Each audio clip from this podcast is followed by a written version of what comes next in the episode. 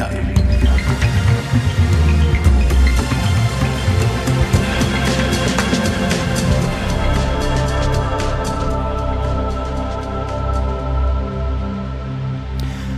Podnebni vrh Združenih narodov poteka vsako leto, na njem pa sodelujejo države, ki so podpisale prvotni podnebni sporazum Združenih narodov leta 1992. Letošnji podnebni vrh v Šarmel Šejku sledi letu katastrof. Spomnimo se samo uničujočih poplav v Pakistanu ter podrtih temperaturnih rekordov. Svet se segreva zaradi emisij, ki jih proizvajajo ljudje, večinoma zaradi izgorevanja fosilnih goriv, kot so nafta, plin in premog. Globalne temperature so se dvignile za 1,1 stopinjo Celzija in se približujejo 1,5 stopinjam Celzija, so sporočili podnebni znanstveniki iz medvladnega odbora za podnebne spremembe. Če se temperature dvignejo za 1,7 do 1,8 stopinj Celzija nad raven iz leta 1850, ocenjujejo, da bi lahko bila polovica svetovnega prebivalstva izpostavljena smrtno nevarni vročini in poplavam. Da bi to preprečili, je 194 držav leta 2015 podpisalo pariški sporazum in se zavezalo, da bodo nadaljevale prizadevanja za omejitev dviga globalne temperature na 1,5 stopinje Celzija. A politične zaveze so preveč medle, so slab kompromis med interesi kapitala in okoljskimi politikami, pa so prepričane številne nevladne organizacije, ki se ukvarjajo z okoljsko problematiko. O okoljskem aktivizmu se danes pogovarjam z Gajo Brecel, direktorica Umanotere in dr. Tadejem Troho z Filozofskega inštituta ZRC SAZU. Lepo zdrav obema. Ja. Za začetek morda kar vprašanje za oba. COVID-na kriza, zdaj pa strah pred energetsko draginjo. Kaj od tega bolj ustavlja okoljske zaveze, kaj bolj prispeva k dejstvu, da se vprašanja okolja in globalnega segrevanja postavljajo v ozadje? Gaj Brecel. Um, ja, mislim, vse predtem je bila pa uh, gospodarska kriza, ne? naslednja bo pa lahko še kakšna uh, druga. Um, pravzaprav so po eni strani to na nek način izgovori, da okolje ali pa v tem primeru podnebje, stabilno podnebje nikoli ne pride v spredje. In uh, če kaj, mogoče je COVID-na kriza pokazala, da se lahko uh, svet uh, čez noč obrne, uh, da kjer je volja, potem je tam pot in v resnici bi mogli na ta način tudi uh, delovati v podnebni krizi. Ne? Tukaj je pač znanost jasna in jaz mislim, da tukaj ni uh, stvar, kdaj bo prišel na vrsto ne? podnebna kriza, ampak jo je treba pač pelati usporedno. In COVID-na kriza je točno to pokazala, da jo lahko, da finance so, če, če želijo biti, so na voljo, a ne skratka se lahko družijo družba temu podredi. In ja, v resnici govorimo pač o, o, o preživetju ne, življenja na tem planetu. Uh, tako da, kaj bolj od tega mogoče ostavlja okoljske zaveze, so pravzaprav, uh, uh, bi rekli, odločevalci. Ne, um, prej ste omenjali IPCC, se pravi glavno znanstveno podnebno telo. Oni so že uh, vrsto let nazaj povedali, da imamo zdaj vsa znanje, uh, vse tehnologije na voljo, uh, ampak da je vse odvisno od politične volje. In meni se zdi to blazno banalno, da pravzaprav zaradi politične volje pač drvimo podnebni zlom. In energetska kriza v tem trenutku je tudi produkcija določene politike. Ne? Uh, mislim, seveda je energetska kriza, tudi uh, vojna je zelo verjetno um, problem, ki je nastal zaradi tega, ker, uh, kako rekel, globalna skupnost, ne vključno z Rusijo, se pravi, to, cel svet, nima odgovora na to, kaj narediti z državami, ki v primeru prehoda zelenega nimajo perspektive. In to niso samo države, afriške države in tako naprej, to je tudi Rusija. Eh, skratka, država, ki je toliko eksistencialno odvisna od fosilnih goriv na tak ali drugačen način, seveda mora dobiti neko perspektivo za to, da se lahko razvije. Skratka, mislim, da je tukaj, to zdaj govorimo zelo v nekem abstraktnem smislu, v nekem mogoče zelo idealističnem smislu, da bi take države preprosto morale že zdavni dobiti bi morala biti ponujena roka iz, iz druge strani. Zdaj ne gre tukaj za čist več konkretno vprašanje, ampak tist, eh, za kako do tega ne bi prišlo na neki najbolj, na neki najširši ravni. Zdaj, kako energetska kriza, seveda jaz se vse strinjam, eh, kar je ga rekla, COVID-no krizo, eh, energetsko krizo se mora znati uh, furati skupaj z podnebno krizo, ker pač podnebna kriza taka je. Seveda je pa treba nas, nam pa to pove ne to, da, um, da bi morala podnebna kriza že zdavni biti problem, ki bi bil v zakonodaji taki ali drugačni, bodi si v formi nekih izrednih ukrepov, skratka neke, neke forme izrednega stanja ali pa z neko reformo uh, prioritet upisan, že upisane v sistem in, in iz, pravni, rekel, iz pravnega sistema, tudi v gospodarski sistem in tako naprej, in, in iz gospodarskega in iz splošne družbene prakse, že nam tako v glavo in v, v splošno delovanje, da ne bi bilo treba misliti na podnebno krizo, ker v tem je problem. Mi drugi, ob drugih krizah pozabimo na obstoj, mi bi pa morali že itak delovati, kot da, kot da vemo. Z vprašanje tega, a mi vemo, da podnebna kriza je že zdavni, pa se. To je vprašanje 70-ih, ne, ne 2000-ih ali pa 90-ih, vprašanje 70-ih let. Ampak očitno politika še kar naprej ugotavlja, da podnebna kriza je. Ni, ni, pa, ni pa že ugotovila. Recimo tudi dejstvo, da je ta podnebni vrh zdaj gosti ena od afriških držav, je na simbolni ravni izjemno pomembno. Um, Vendar vse te zaveze, ne, ki si jih in teme razprav, ki, ki, ki te dni potekajo v Šarmel Šejku, to so zmanjšanje emisij, pomoč državam pri pripravi na podnebne spremembe, zagotavljanje tehnične podpore in financiranje za državo razvojno in še bi lahko našteval, niso možne brez političnih zavez, ki so pa lahko nastanejo samo v okviru držav pogodbenic, držav odločitev na nekih sistemski uh, ravni. Ja, definitivno. Ne? Definitivno. Mislim, eh, mi vsake, vse te simbolne, ne, tako kot si omenil, ne, mislim, zdaj lahko podnebni vrh v afriški državi seveda nekaj pomeni, ampak pa tudi pomeni, recimo, da se potem je treba en teden bolj fokusirati na vprašanje podnebne pravičnosti, pa tako naprej, bolj kot če bi bilo to v kakšni drugi državi, pa na drugačen način, pa z, z drugo udeležbo in tako naprej.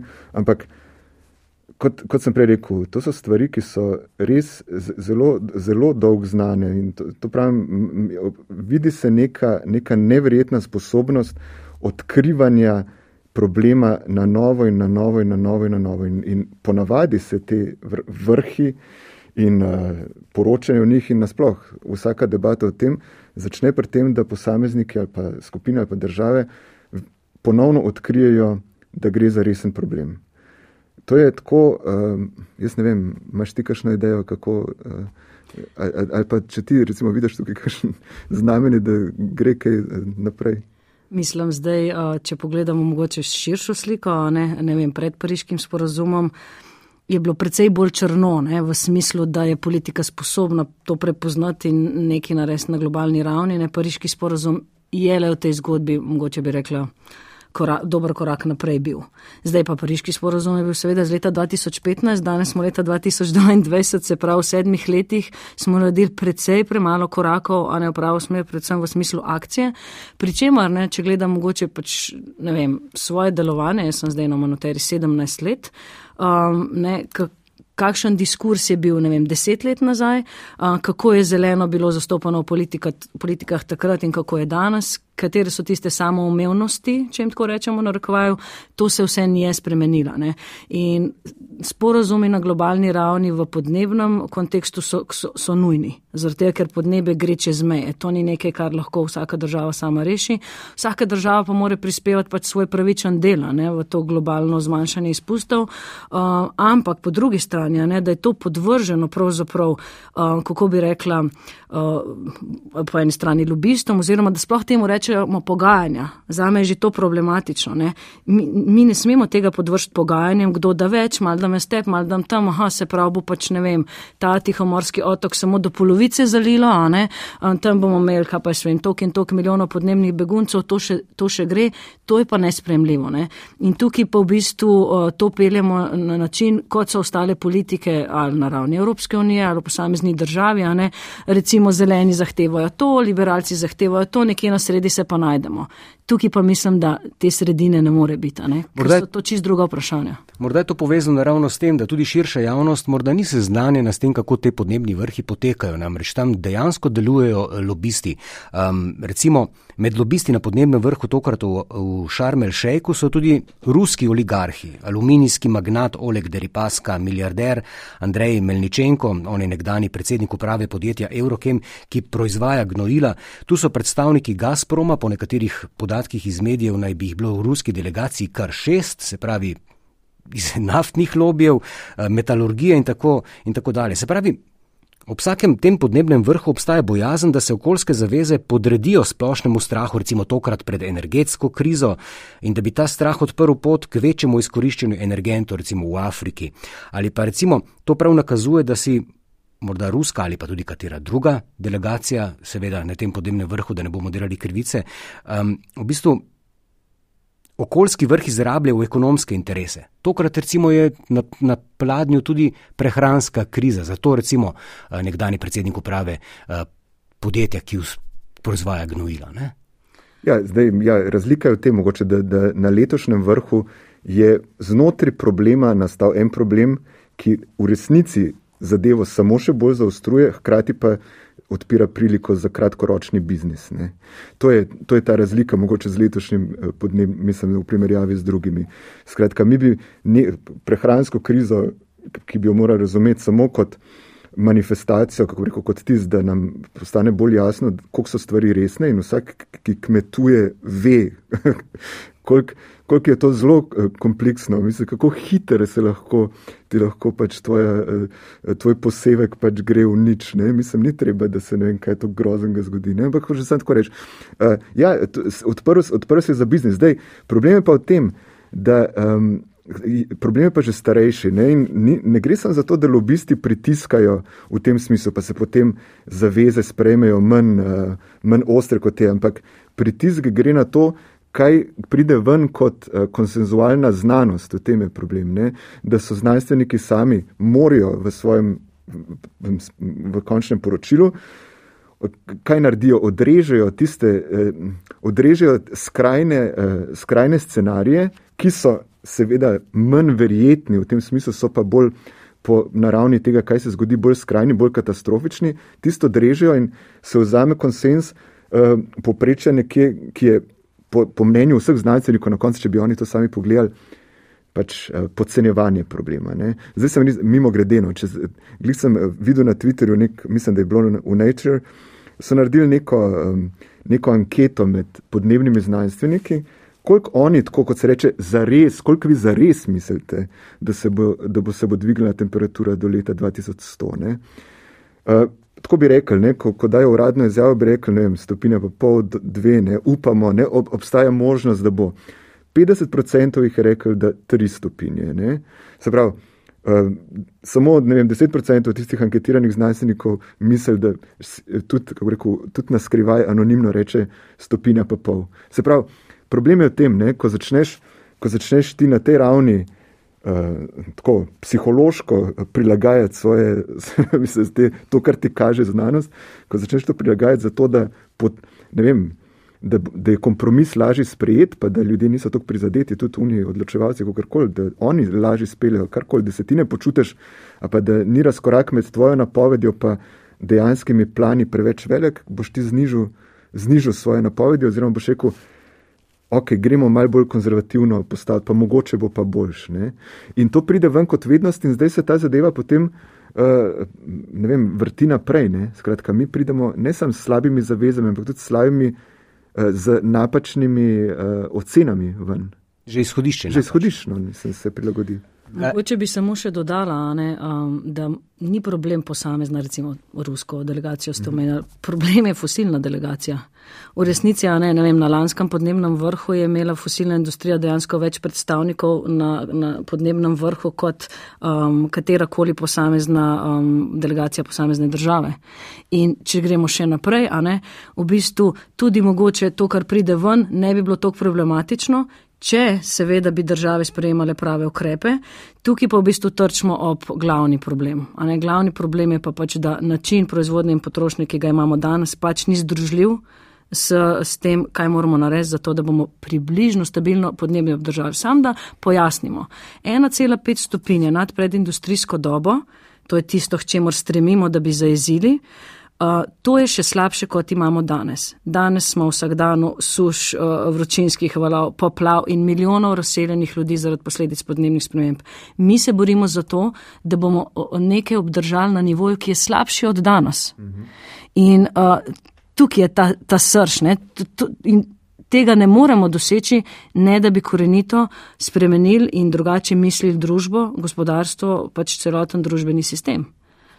Ne, tukaj na ja, ja, te ravni pa sploh še ja. prišli nismo na posameznem podnebnem področju. Ja, to je ključen podarek. Ne? Mislim, da se prav z maksimalnim naporom pridemo do slabše situacije, ki je ne moramo na boljšo za enih 30 let potem naprej. Se pravi, tudi če jo stabiliziramo, ostane na stanju, ki je slabše od zdaj, še 30 let, recimo, ne, tle smo. Ne. Ampak tu se torej ne moramo zanašati na odločevalce in na velike sisteme, ampak v bistvu na civilno družbo, odkudar naj bi prišle, mm. prišle spremembe, vsaj pritisk na odločevalce, ki potem dejansko vzpostavijo neko, neko spremenjeno stanje. Kakšna je tu vloga civilne družbe, pa tudi aktivističnih okoljevarstvenih organizacij, Gaj Breze, kot je vaša humanitera?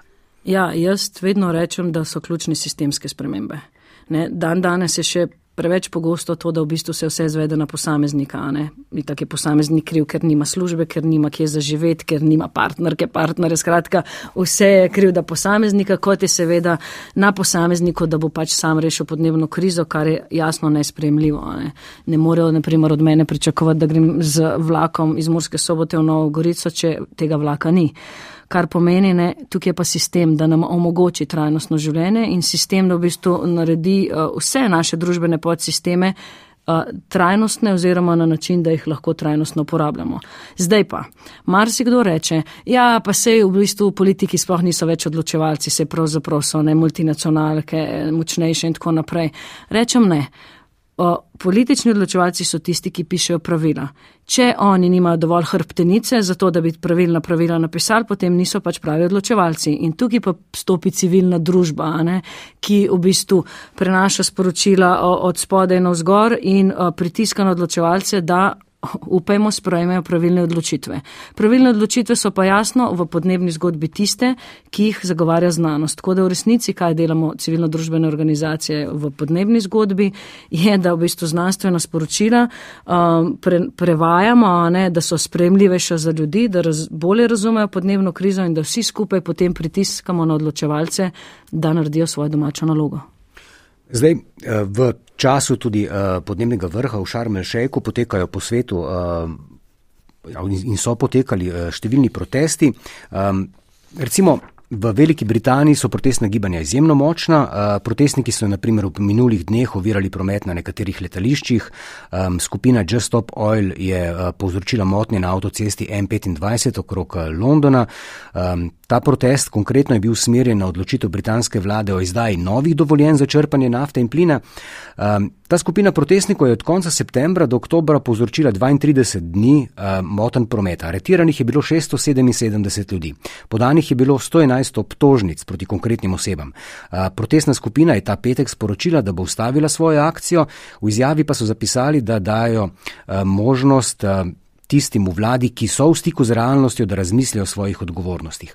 Ampak še huje je v bistvu, da se je del britanske javnosti tudi s pomočjo medijev uh, obrnil proti tem protestnikom, izva, njihove akcije so izvale valo gorčenja zaradi zamud v prometu.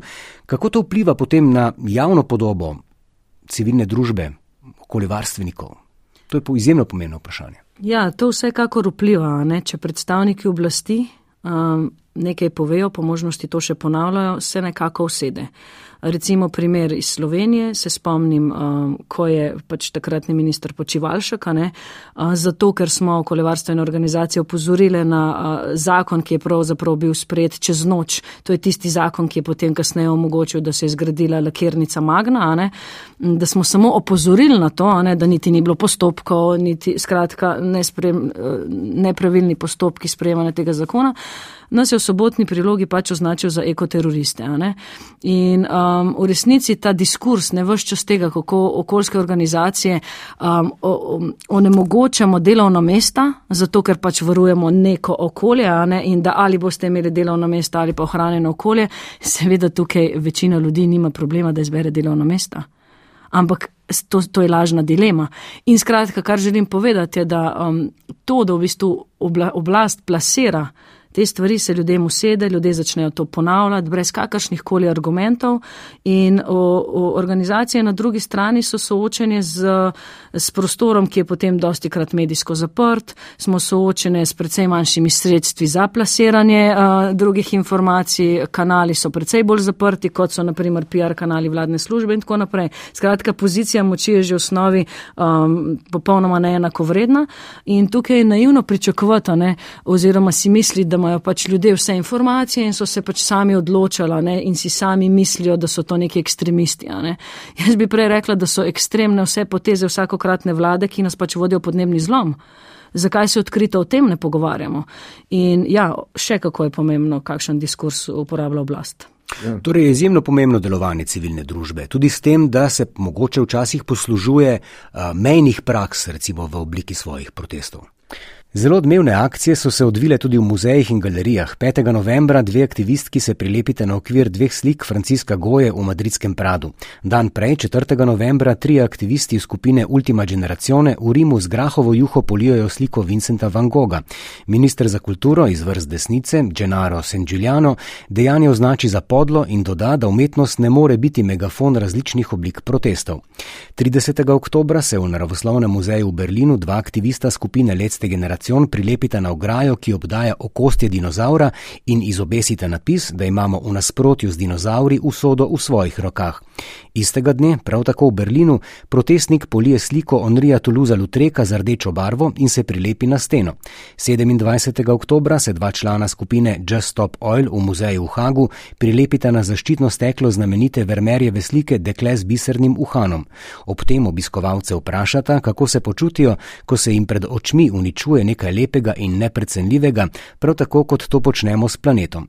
Naprej, 23. oktober pozdam, Monejeve senene kopice, 14. oktober Van Gogove sončnice v Londonski narodni galeriji, 8. oktober Melbourne, avstralski aktivistki se prilepita na Picassovo mojstrovino Smrt v Koreji, 23. august Dresden, Rafaelova slika Sixtinska Madonna, aktivista se prilepita na okvir, 18. august Vatikanski muzej, dva aktivista se prilepita na podstavek znamenite antične kiparske mojstrovine Laukonova skupina, 30. julij Milano, slika Umberta Bočonaja. 22. julija se dva aktivista prilepite na Botičelijevo pomlad, 30. juni štiri odmevne akcije po vsej Angliji. In najboljše za konec, 29. maja v Starko preoblečen protestnik v verjetno najbolj znano sliko na svetu, v Da Vinčijevo monolizo, zabriše nič manj kot torto. Potrebno je povdariti, da nobeno umetniško delo ni bilo poškodovano. Ja, če se sam mečkam vrnem, pa prosim spomnim me potem še na to. Um, problem je tako, um, zakaj so te, zakaj ena izjava, ena označitev z ekoteroristom ali pa neke take zadeve v tem primeru tako, tako močne. Gre za problem, ki ga je seveda na ravni elementarne fizike zelo lahko razumeti. Ampak ima seveda problem, da naleti na psihološko odpornost, zaradi tega, ker je v nekem smislu nedojemljiv. Skratka, to, o čemer se mi pogovarjamo, da ti zgine stabilnost okolja kot taka, to je nekaj, česa se človek ni, ne človek, mislim, ne sem človek, civilizacija se tega ni nikoli naučila, pač nima pojma za to, tako rekoč. Nepredstavljivo. Ja, resnično nepredstavljivo in zaradi tega se bo, so tako uh, dobrodošli vsake, na eni strani vsako popuščanje pri znanosti, recimo podnebni sporazum v Parizu je šel skozi samo zaradi tega, zaradi trika, ne, v narekovajih, tega stopinja pa pol dve stopinje in je, da je to izpadlo kot nekaj lepega. In de, kot nekaj izvedljivega, pa čeprav je že bilo precej jasno, da v nekem realističnem smislu gre bolj za fantazijo. Uh, prime se, prime se tako, skratka, prime se vsaka, vsaka potuha. Prime se tudi agresivna potuha, kot je ta, da najdeš pač krivca, ki se uh, noče obnašati normalno naprej. Ne? In to pa je, recimo, potem pa dobijo prot, ne samo, mislim, že tako kot okoljski aktivisti, ko gre pa za protestnike, pa tukaj ne bo samo počivalšek, pa ne bojo samo pač taki ljudje, ampak se bo to razširilo na neko, na neko, na nek ta, kako rekel, splošno, tudi uh, levo-liberalno moralo. Ne? Skratka, ki pa bo to, kar si prej eh, najbrž eh, namignil, ne protesti, tudi ko gre za eh, protesti, ko gre za zaprtje cest, se pravi, onemogočaš mi, da pridem do tja. To je bolj nekaj, kar moti tako res navadnega človeka. Eh, ko pa pride do protestov, tipa uničevanje tako imenovano umetniških del, tukaj prija pa ta višja morala in višja, kako reko, višji red zgroženosti, ki, uh, ki mu pa uspe to narediti. Ti, ti boš težko rekel, ne mi zapreti avtoceste, ne, zato ker je avtocesta dobra za, za boj proti podnebni krizi. Ne, sveda, ne. Uh, tukaj se pa lahko uporabi ta argument. Ne. Dojemanje umetnosti je isti, ista umska zmožnost, kot je dojemanje resnosti podnebne krize. Se pravi, zahteva visoko, ne samo intelektualno zmožnost, intelektualno kapaciteto, ne samo veliko kapaciteto, kapaciteto opazovanja, ampak tudi na nek način um, empatije, ne? empatije, um, solidarnosti, dobrote, uh, pa ne vem, um, želje po lepem, tako naprej, želje po preseganju samega sebe, želje po ne vem, ne, skratka, želje po, po uh, vrednotenju izjemnih posameznikov, ne, želja po vrednotenju brezinteresnega, ne, se pravi, kot narava ali umetnost, ne, sta v bistvu ista, kao, ista zadeva. Ne. In tukaj pridemo pa do problema. In, in kaj je, kje, kje je tukaj catch, kako, kako rekel, kaj je treba razložiti takim ljudem? Uh, tvoja prva reakcija, seveda, ko se zalije, z, ne, seveda na ta zaščiten način, kar bomo še, lahko še kaj rečemo o tem, uh, Van Gogha, ne vem, karkoli, neko sliko z paradižnikom juho itd., seveda bo prva reakcija zgroženost. In to je razumljivo, ker aktivizem, point aktivizma je samo takrat dosežen, ko je prva tvoja neposredna reakcija neintelektualna reakcija, zgroženost. Ti moraš biti najprej malo šokiran. Prva reakcija mora biti, joj, zakaj se spravljaš na umetnost. To mora biti. Se pravi, aktivizem bo uspešen ali pa ne, je, ima, ima svojo poanto samo v tem, če najprej doseže pri posamezniku prvo reakcijo, bo, ker bo on še v starem rekel, sistemu. Ta akcija mu pa postavi vprašanje, ali jaz ustrajam pri svoji neposredni reakciji, prvi pri tej stari poziciji, ali sem zmožen razmisliti, da mi sporočajo nekaj novega. In zato gre, ne se pravi, noben. Tukaj gre za vprašanje, ali si, si, si ti zmožen se razcepiti, tako rekoč, v reakciji na, na uh, nek okoljski ali pa kakršen, kakršen koli drug aktivizem.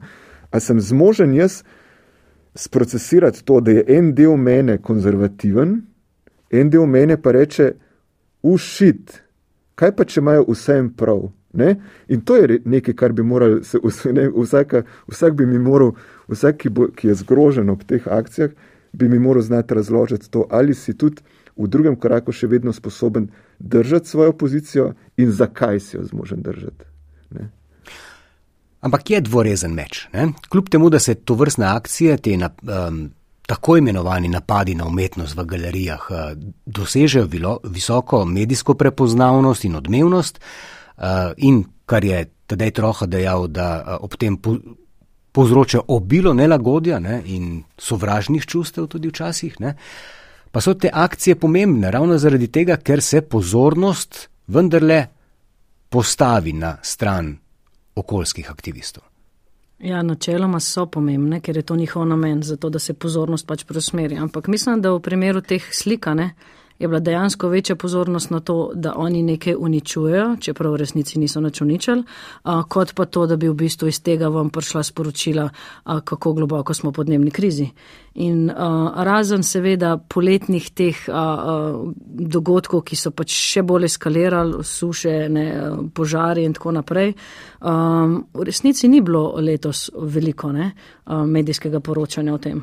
V resnici so jih res zasenčile pač ostale krize in um, to, da potem nekdo upozori na to na pač drugačen način, recimo temu šokanten, dramatičen, uh, in iz tega potem ven ne pride sporočilo, ki je bilo namenjeno.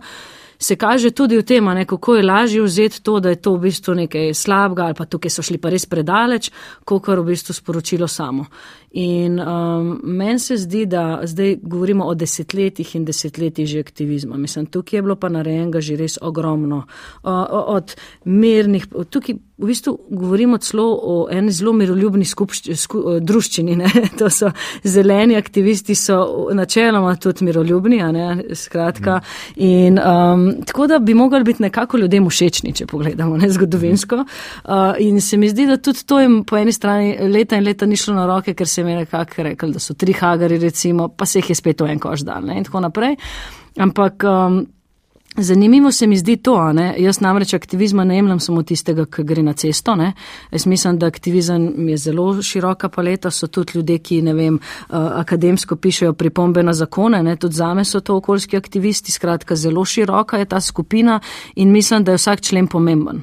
Da moramo iti res širokim plugom in tako bomo mogoče kaj dosegali, ampak po vseh desetletjih okoljskega aktivizma še zmeri nismo, kot družba ne gremo v pravo smer. Torej, ne, zakaj je zdaj nekaj, kar na drugačen način upozori, tako šokantno, ne, pri čemer ni nihče vem, poškodoval, nič dramatičnega se v resnici ni zgodilo. Zakaj je ta resnica še po vseh teh letih tok neprijetna? In zakaj pravzaprav vsaka informacija, pa tudi če je znanstvena, ki ljudem sporoča, da bo treba pa pravzaprav tudi naš vsakdan spremeniti kot družba, kot posameznik, ne, tako nelagodno. V resnici bi vsi radi samo isto naprej, pa da mogoče pač tisto odpadek vržemo v koš za ročevanje odpadkov. Ne. Zakaj je tako neprijetno? Zato, ker pravzaprav nikoli nismo sporočili tega, da je trajnostno lahko tudi boljše, bolj udobno, bolj prijetno, skratka, če ga tako naredimo kot družba. In tu imamo pomembno vlogo tudi mediji. Um, Absolutno. Za primer, 9. augusta lani je medvladni odbor za podnebne spremembe objavil poročilo, v katerem je bilo prvič jasno zapisano, da, so, da podnebnih sprememb ne moremo več ustaviti in da so nekatere posledice že nepovratne. To je bilo pred dobrim letom dni. To je bil nekakšen zgodovinski dan. V medijih je završalo 9. augusta, ne, se pravi lani je završalo, spletni portali so bili prat zvona. Um, Na televizijskih in radijskih oddajah so bili povabljeni okoljevarstveniki, strokovnjaki za podnebne spremembe. Um, Dan kasneje, 10. augusta, spomni se je bil datum, ko je um, dim iz požarov iz Sibirije, ki so takrat divjali in so bili obsežni, uh, požari prvič v zgodovini dosegel severni pol.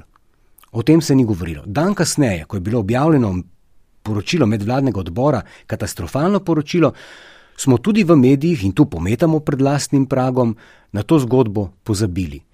Kakšna bi morala biti vloga medijev pri teh zgodbah?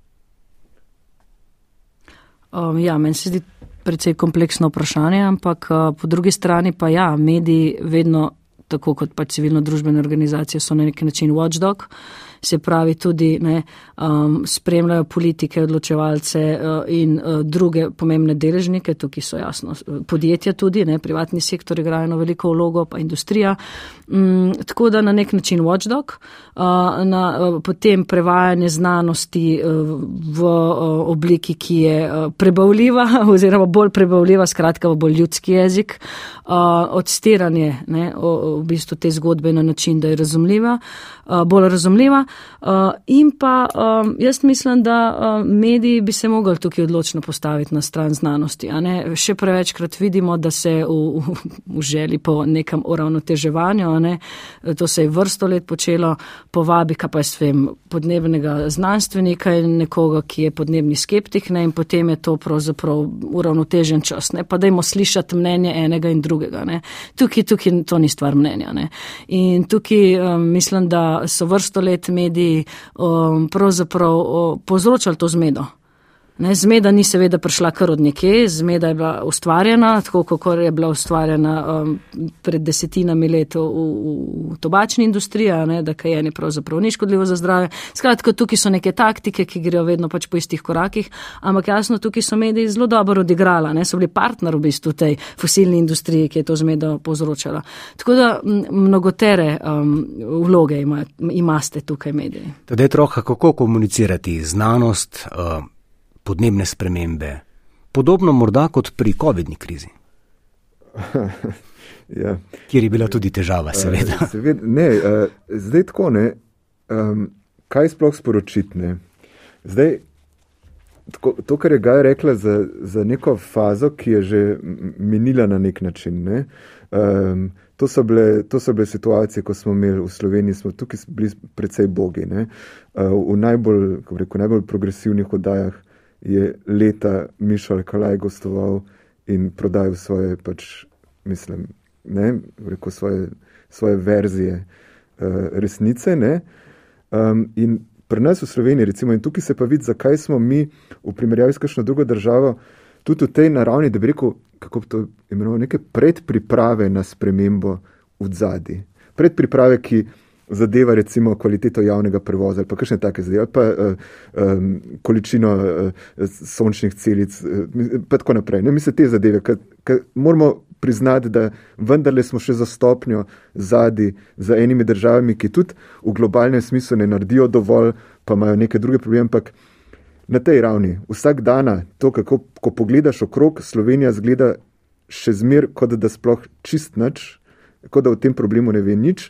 Medtem, ko bo neka Danska vendarle vse tako izgledala, ko jo pogledaš iz aviona, bo izgledala malce drugače, kot je izgledala 30-40 let nazaj. Ne? In to, tukaj je neka nek, nekaj, kar bi terjalo verjetno celo raziskavo, kaj je pri nas, kako se lahko pri nas toliko dolg obdržala ta neka res bazična nevednost o teh problemih. Gaja, ti ne vem, če ti, se ti boš zavedala, ker si že dolgo v tem, v tem eh, štosom, ampak mislim, uh, ali pa potegnjena ven iz te običajne akademske sfere, ampak v, v slovenski akademski sferi do Grete se ni vedel praktično nič. Mislim, uh, o, o, o elementarnih zadevah.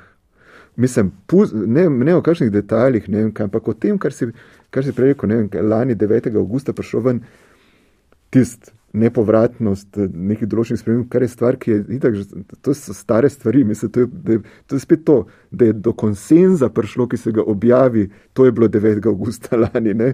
Uh, ampak, hočeš, elementarne stvari niso ljudem bile jasne, uh, sociologom, filozofom, ekonomistom, Eh, na naravoslovnih faksih, kako je pri nas, recimo, teh naravoslovcev ogromno, ki ne bo biologov, ne vem, kaj, ki, ki bojo imeli svoje teorije, ki bojo še vedno na ravni razlagali na znanstven način, eh, ne argumentirali, ampak rekel, odmisel človeški, človeški faktor in tako naprej. Mislim, da ne govorim.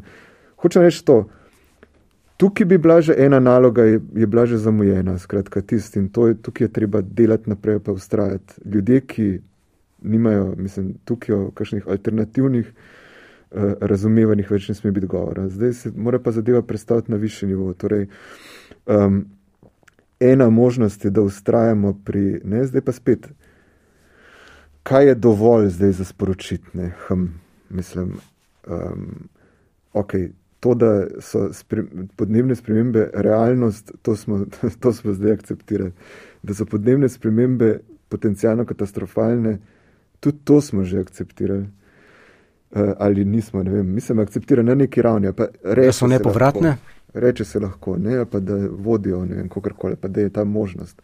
A pa ne vem, v, v tem smislu. Ne vem, take malenkosti, kot so, recimo, da rečem, Se spomnite, kaj je bilo 2018, ko je šlo tisto ven, da imamo še do, do leta 2030 je še časa, da se, ne, bla, bla, da se zadne. Se takrat najprej rekel 12 let. Po se, rekel, po se leta 2020 rekel 10 let. In tam smo se ustavili. Še vedno ti bo prišel politik uh, in ti bo izjavil leta 2022, skoraj leta 2023, da imamo samo še 10 let časa. Kakorkoli je to ena prazna fraza, pa že takrat je pomenila čist nekaj drugega, kar smo razumeli, da pomeni, pa kar so ljudje hoteli, da pomeni. Ampak vse to, da bi rekel, ne, uh, ne deset, osem. Ne, mislim, v, tej, v tem minimalnem smislu bi morala biti ena splošna, splošna seznanjenost s temi problemi taka, da bi vsak novinar, vsak voditelj, recimo, kakšne pomembne informativne oddaje tukaj rekel, Stop, ne, ne, ne, ne, ne. Eh, samo da vas popravim, ne deset let, to je bilo leta 2020, osem let. Da se saj vidi, da se neki uh, uh, prime, ne? da ne moreš tega že na, tem, že na tej ravni, ki je itak že, že tri korake, kot fulejnih plasti stran od tega, da bi da pravo realnost dojeli, da se vsaj tukaj več ne zavaravamo, da je deset let, ampak da rečemo vse osem da se vsaj vidi, da se čas izteka, ker zdaj zgleda kar nekaj, da se čas pa več ne izteka čez, čez zmer deset let. E, to je recimo mislim, ena, ena čist malenkost, mislim, tako, mogoče malenkost, ampak tako. Um, uh, ja, ker um, plačujemo, mislim, pri nas plačujemo res v Sloveniji veliko ceno za, za to, za desetletja ignoriranja, ki je res šokantno, če tako gledamo. Mislim, v Ameriki so stvari popolnoma drugačne. V Ameriki je konec 70-ih, cela 80-ta, preden so se sploh vključila, se vključila fosilna industrija s svojo propagando. Eh, podnebna kriza je bil nek tudi eh, republikanska pozicija. Če, ena, par zdaj dobrih knjig eh, o tem, kako je bilo v 80-ih, ne samo vse jasno, ampak kako so. Vem, George Bush starejši je praktično zmagal z, z mislim, ena od vodilnih v kampanji je bila, da je, to, da je to predsednik za podnebne spremembe, mislim, bo, ki bo rešil podnebno krizo, mislim, podnebne spremembe takrat. Ne, globalno se gre nekako kar ustavil. Hočeš reči, mi smo pa, mi smo pa to kot prespali, tisto obdobje, in moramo zdaj tudi na drugačen način se lotiti, zaradi tega, to sem hotel reči. Problem je v tem, ko ljudje v nekem trenutku dojamejo, tako kot je slovenski javni prostor zgreto, kar naenkrat dojel, potem je pa drug problem, vsi postanejo specialisti, kar naenkrat se pa vsi spoznajo. In Gaja Brecel, recimo, ni več človek, ki bi bil. Uh, vabljen v tem smislu kot nekdo, ki se spoznal. Pa pač ne. Uh, to hočem reči. Ker naenkrat so vsi pametni, pri nas se praktično ne da več projekta dobiti, uh, če, če ti nekaj več veš o tem, zaradi tega, ker ti bo vsak rekel, se jim, oh, kaj pa govoriš. Se jaz jaz bolj, bolj kot ti vem, jaz meni je Greta povedala, kako je stvarmi. Mislim, tle, tle imamo težavo, specifično slovensko tem, da malo kot pogledaš pod, ne, pod dro, drobove, pa v resnici ni ne, tega znanja, oziroma je to pavšalno. Mi veliko recimo delamo tudi, kaj pa sem z učitelji, ker tega je tako ni v kurikulumu in potem se trudimo, saj, da učitelji nekaj vejo, da lahko potem oni podajo naprej in to je v bistvu odvisno samo od tistih učiteljev, ki sami prepoznavajo, da noč o tem ne vejo, ne, da jih potem lahko imamo delavnice za njih in to. Ampak tam je še en kup učiteljev, ki seveda tega ne prepoznavajo, ker spoh ne prepoznavajo, da bi mogli o tem učiti svoje učence. Uh, mogoče bi dodala tukaj še eno stvar, no, pač itek pri medijih, ampak nasplošno, ne, kaj se mi zdi, da je še en moment, tukaj se mi zdi, da je v Sloveniji dost velik odpor do do sprememb, ne tako kolektivni. Ne, bom tako rekla, kaj pa sem deset let nazaj, če si nekomu rekel, ne, voziti z avtomobilom, ne, veliko se je problematično. Ne, danes seveda to lahko rečemo, ker to vsi vemo, ampak imamo seveda slab javni prevoz, pa je v bistvu tudi s tem tukaj težava. Uh, zdaj se enako dogaja na področju hrane, a ne, ko mi uletimo, pa rečemo, ja, za v bistvu reševanje podnebne krize je ključno tudi zmanjšanje uh, hrane živalskega izvora, ne, a ne, ne, ne, okrožnik mi pa ne boste gledali, ne. Ja, mal pa moramo, ne, če je v bistvu tukaj to stvar uh, emisij toplogrednih plinov, ne, v tem smislu. Ampak kar želim povedati je pa v bistvu to, da kako skupaj um, vidimo in mislimo trajnostno družbo, o tem se ne pogovarjamo. Uh, zakaj uh, župani danes zmagujejo, um, tisti, ki bodo uh, vem, v zadnje pol leta pred volitvami poasfaltirali po čim več cest? Uh mhm. -huh. Zakaj je to tisto, kar ljudje želijo videti? Ne, zakaj ni nekaj drugega? Zato, ker kolektivno ne govorimo o tem, da, da bi se jaz zjutraj usedla na vlak ali pa avtobus, ki bi me hitreje, ceneje in bolj udobno pripeljal v službo, kar bi bilo nekaj popolnoma normalnega, da se razumemo, to ni znanstvena fantastika. Zakaj ni to nekaj, po čemer hrepenimo? Mhm. Zakaj ni zdrava hrana za mojega otroka v vrtu ali pa v šoli nekaj, po čemer jaz mislim, da smo vsi za. Jaz mislim, da si sam tega sploh ne moramo več predstavljati, mhm. zato ker so šle stvari mimo nas. In moramo govoriti, moramo govoriti o dobrih praksah, ki obstajajo, moramo jih prenašati k nam, moramo risati in misliti to podobo, ki je tukaj in dosegljiva danes. Ampak to se da doseči, to se da doseči prav z v bistvu aktivističnimi akcijami, oziroma lahko izpustimo predelnik aktivistične, z akcijami, z ozaveščenjem in tako naprej. Uh, morda v tistih akcijah, ki, kjer ljudje prepoznajo neko skupnost. Uh, Kot primer lahko izpostavimo akcijo Čistimo Slovenijo, zadnja edicija je bila leta 2018, ampak v tej akciji so ljudje sodelovali, bila je dobro medijsko podprta, eh, sicer se je, je zadevala en ozek segment problema, pa vendarle je bila nekako, bi rekel, oprijemljiva. To, kar ste ravno kar govorili.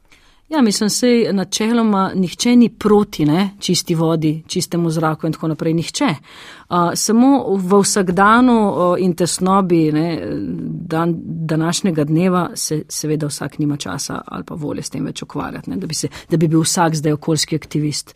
In tukaj v bistvu treba omogočiti ljudem, da so aktivni. Uh, in jih sprejeti, uh, skratka, omogočiti pravilno usmeriti in sprejeti, uh, ampak uh, to ne sme temeljiti na posameznih akcijah nevladnih organizacij. To je, to je v bistvu ta, ta ključna, kako bi rekla, sistemska slepa ulica. Ne. Tudi dan danes, naprimer, veliko humanitarnosti, ne. humanitarnost je pravzaprav um, na nek način poglabljanje lahko recimo revščine. Če se prenaša vse na nevladne organizacije, ki obenem ne, nimajo niti mogoče stabilnega vera financiranja, da so socialni korektiv, potem smo že v osnovi kot družba v bistvu zašli. In kar se tiče okoljskih stvari, je enako.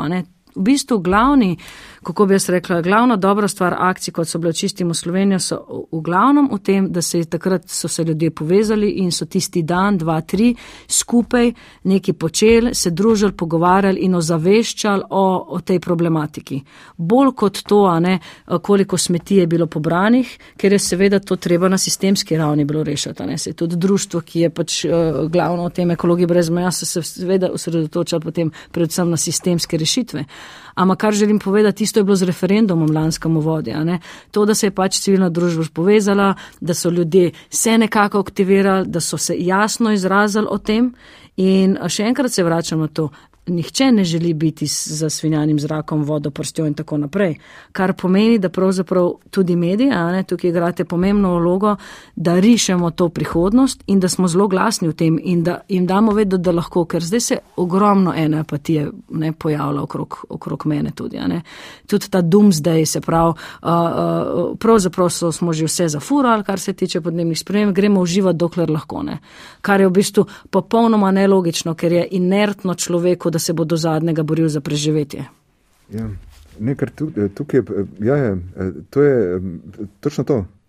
Človek, bo, človek hoče preživeti in bo. In zato se, zato se slaba stran tega, da se tudi navaja, seveda, na vse uh, na vse slabe stvari in jih tudi ne dojema več. To, kar mi mislimo, ne vem, če bi pa pri nas bil en oren vročinski val, bi pa dojel, ne, ne, bi, ker drugi ne dojamejo tudi. Ne?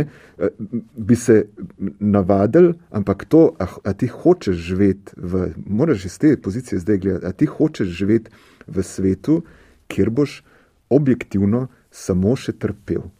Ne? Ker to, kar rečemo, recimo, tudi ena od zadev, ki pomaga, ki pomaga ljudem, kako reko, udomačiti to zadevo pa čeprav zgleda katastrofalno. Rečejo, da ja, podnebne spremembe niso samo dvig temperature, pa da ta tam, ampak so tudi podnebne migracije. Ja, seveda ne, ampak zakaj pravimo domačitev? Zato, ker se pozabi na to, ker ko ti rečeš podnebne migracije, pa rečeš iz, iz, iz tam, pa tam, iz globalnega juga, podnebne migracije, na tiho predpostavljaš, da bo tukaj naš svet ostal enako podnebno stabilen. Ne, ti rečeš, ok, mogoče bo to zmotil neko socialno dinamiko, nekaj, ampak tudi mi bomo živeli v svetu, iz katerega bi se najraje izselili, pa nam samo ne bo čist, čist nujno. Ne? Ali pa še to ne vemo, vse ne vemo. Ne? Uh, to hoče reči, tle so vse stvari. Vse, ni načina, kako to udomačiti, in je treba preprosto se trenirati v sprejemanju tega, Eh, sprejem, ne v, mislim, v, sprejem, v zmožnosti dojemanja, v zmožnosti tega, da si predočiš, rečeš, ne bojo se stvari dobro išle in to ne bo fajn. Mislim, ne vsem, da ne bo fajn, grozen bo. Ne, mislim, to pač, neko, ja, ampak to, je, to, je, to so nepredstavljive mislim, stvari. Si predstavljaš, da, da, da živi, mislim, poskuš, poskuš si predstavljati, ne vem, en mesec, ki eh, eh, ena riba hlastaš za zrakom, ki je v, v, v vročini, ne vem, ki je po noč 25 stopinj, in da moraš to početi tri mesece in še malo bolj hlastati. Mislim, to je.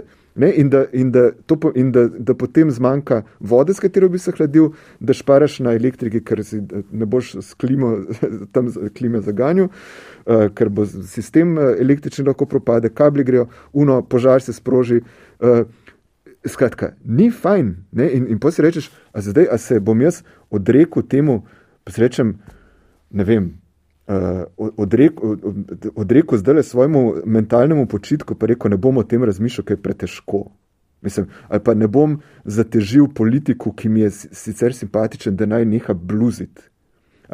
Mislim, jaz recimo zdaj, ko so bile predsedniške volitve, ne pustimo o tem, da se ni nič govoril, ker, ja, ker v resnici to je problem. Ni pogojev osnovnih, da bi recimo jaz debato med politiki, predsedniškimi kandidati podne, za podnebno krizo. Je, Da bi si sploh lahko zamislil, da bo ta debata dobra in vredna, če se rekoli, ker bo samo ne, podnebna kriza obstaja. Potem je pač zdaj eh, predsednica, ki, ki zdaj bo nastopila mandat, ne, Uh, ja, na eni strani reče, da bo, ne, je bila ena, ena precej hecna izjava in tukaj mora ona velik še narediti uh, na, na, te, na tem nivoju.